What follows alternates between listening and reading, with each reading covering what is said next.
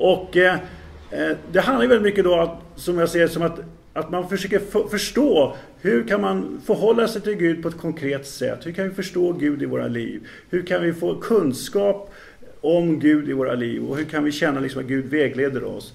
Istället för bara liksom bara känna att man tillhör någonting utan liksom få utveckla en personlig levande relation till Gud. Jag känner tror att det här var en väldigt stor inspiration. Och jag menar också den väckte sen idéerna om hela upplysningstanken som vi på något sätt lever i slutet av nu. Vi, vi, liksom, vi säger oss alltid upplysning. Ofta uppfattar man också upplysning som att man vill separera bort eh, kyrkan eh, från livet. Men eh, en sån som Martin Luther vill ju naturligtvis med förnuftets hjälp knyta an Gud till människan.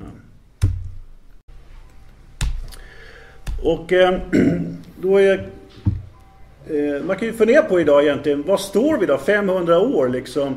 Kan vi säga så att det finns en upp, behov av att upprepa Eh, reformationen idag? Om, om Martin Luther kom idag, vad representerar idag påven? Vad representerar idag avlatsbreven? Vem representerar idag den politiska makten? Vilka är det som styr våra liv, människors liv idag? Hur ser människans andliga liv och relation ut till, till Gud idag? Och hur skulle eh, Luther förhålla sig till dagens samhällssyn på frälsningen? Det vill säga, vad är det som gör vårt liv meningsfullt och rättfärdigt? Vad är det som är gott liv?